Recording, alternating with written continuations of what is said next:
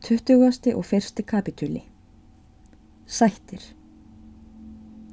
Eins og áður er frásagt varð Bjarni á leiti frægur mjög að þeirri vörn er hann hafði syngt þá er þeir feðgar, grímur og eigil veittu honum atföruna en grímur djákni var hrópaður mjög af gárungum og kölluðu þeir hann í flimtingum ímist grímin skelli eða skelli döys en ekki er lengi að snúast veður í lofti, segja menn.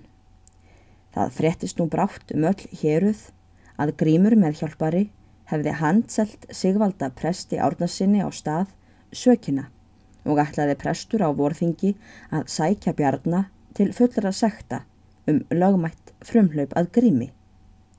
Vissu menn að Sigvaldi prestur var málafylgjumadur mikill og óvæginn hafði hann og oft orðið þungur í skauti þeim sem minna höfðu til gjört. En Bjarni hafði kvorki frændastyrk nægan eður tröst höfingja til að etja kappi við ja, ágætan mann sem sér Sigvaldi var. Varð nú ekki annað fjölrættara í héræðinu en málið Bjarna og þótti flestum óvænlega horfa. Töldu nokkrir það víst að Bjarni yrði hittur við staur og síðan látin þrælka erlendis það sem eftir væri æfinar í ánuð. Þá höfðu sömur það fyrir satt að ekki yrði Bjarni af landi fluttur, heldur væri hitt líkara eftir norsku lögum, er þá voru í gildi hér á landi í sakamálum að Bjarna yrði þraungvað í hærupoka og bundið fyrir opið og kastað í auksará. Allir töldu fyrir bjarna sagt allt, hálft sér að sigvalda og hálft konungi eður þeim er sektar fyrir áttu að taka eftir hann að lögum. En þó að alþýðu manna talaði, svo sem nú höfum mér frá sagt, það voru samt nokkrir sem dróðu Eva á hvort sög bjarna mætti varða svo miklu að hann erði dæmdur segur skóagarmadur sögðu þeir sem satt var að margur hefði gefið öðrum í öskjurnar og samt eigi orðið óæll og óferjandi og óráðandi öllum björgráðum og heldu að slikt mætti varða fjebótum einum. Bjarni á leiti talaði fátt um málsitt og ekki urðu menn þess varir að hann færi í liðspón og furðaði menn stórlega að hann leitaði ekki ráða eða trösts hjá landshöfingjum eins og þá var all títt og enn er venja á landi voru. Gáttu nokkrir þess að Bjarni myndi setja um sinn að búi sínu og sjá hverju framfæri en ef hann sæi sitt óvætna myndi hann þegar minnst varði leita brott og þá helst ætla sér til atkvarfs í ódáðarhaunni. Væru þar og landskostir góðir og sögðir feitir og myndi hann allvel una þar hagsínum. Þórtís hús freyja í hlýð fregnar nú málatilbúning þennan allan, svo og það að prestur hefur tekið að sér sökina til sátta eða sekta. Þykir henni það ílt ef Bjarni kæmist í vandan okkur og að það hlitist af trúmennsku hans við þær fósturur. Kemur hún nú einhver tíma um þessar myndir að máli við bónda sinn. Tjáur hún honum hvað hún hafi spurt um fyrirætlun þeirra sigvalda á grims og málatilbúningin. Og þykir mér, segir hún, það all illt ef Bjarni hefur vandraði stór fyrir mínar sakir. En það má kalla að svo sé ef hann verður sagtaður fyrir ráðningu þá er hann gjörði grimi.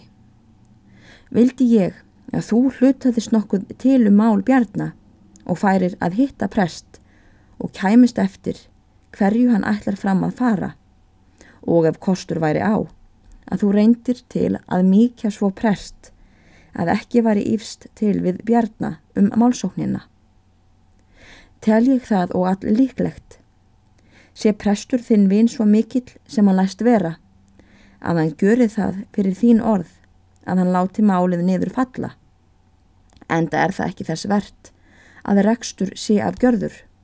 Og sökinni svo varið að grímur getur litla virðingu af henni haft þótt hann beri herra hlut yfir bjarna. En með engu móti vil ég samt að þú gangir að nokkrum afar kostum, forki fyrir hönd bjarna eða fyrir sjálfmann þig. Og sjá svo um Sigurður bóndi minn að þú látir ekki hið mjúka tungutak prests fleka þig. Sigurður bóndi segir það skilt að hann leggji frem allt er hann má til fulltingis bjarna og að þessum málum verði miðlað. Eftir það rýður Sigurður til staðar og fagnar prestur honum vel. Ber Sigurður upp erindi sitt fyrir presti og segir að hann er þar komin í sáttaumleitun fyrir hönd bjarna. Prestur tekur þeim málum mjög þunglega í fyrstu, gengur um golf og reykir og hummar hann álega við hvert orð. Segir hann að fyrir sakir Guðs og konungsins og ennbættis síns megi hann ekki láta svo ósvífin syndara sleppa og hengdan hafi hann hörmulega brotið gegn hinnu fymta bóðorðinu og meitt hold nánga síns. Sýnir hann það og sannar ítarlega að slíku ofríki eigi harðlega að hegna og vittnar ímist til norskulaga, jónsbókar eða rittningarinnar. Sigurður hvaðist sjá það að prestur hafi satt að mæla og miklar og þungar sektir liggi á bjarna. En þó muni vera einsum brot bjarna og aðrar yfirsjónir, að bætur séu til brots hvers. Kemur þá loks svo fyrir bæn Sigurðar að prestur lætur til leiðast og lofar að taka sættum fyrir hönd Greims. Er nú sendt eftir bjarna, en hann hvaðist ei viðláttinn. Hvaðist hann þá daga hafa ærið mikið strid við steineinn, er hann heggi legstein yfir einhvern fornmann og hafi hann aldrei áður sigrast á þeim steini, nema ef nú verði. Og kom svo orðsending frá honum að ekki myndi hann koma til sáttafundar að stað, en það vissi hann ekki annað en að þeir grímur hefðu skilist svo síðast að grímur hefði verið að öllu á sáttur. Lítur ennú ekki sáttavænlega út, en með því Sigurður fylgdi fast fram máli bjarna verður það að þeir prestur semja það með sér að leggja málið í gjörð. En það tilskildi prestur að Sigurður skildi heita því að halda upp í fjabótum ef nokkrar erðu gjörðar á hendur bjarna og hvaðst prestur ekki vilja rekast eftir þeim hjá bjarna eða eiga nokkur viðskipti við hann og hétt Sigurður því.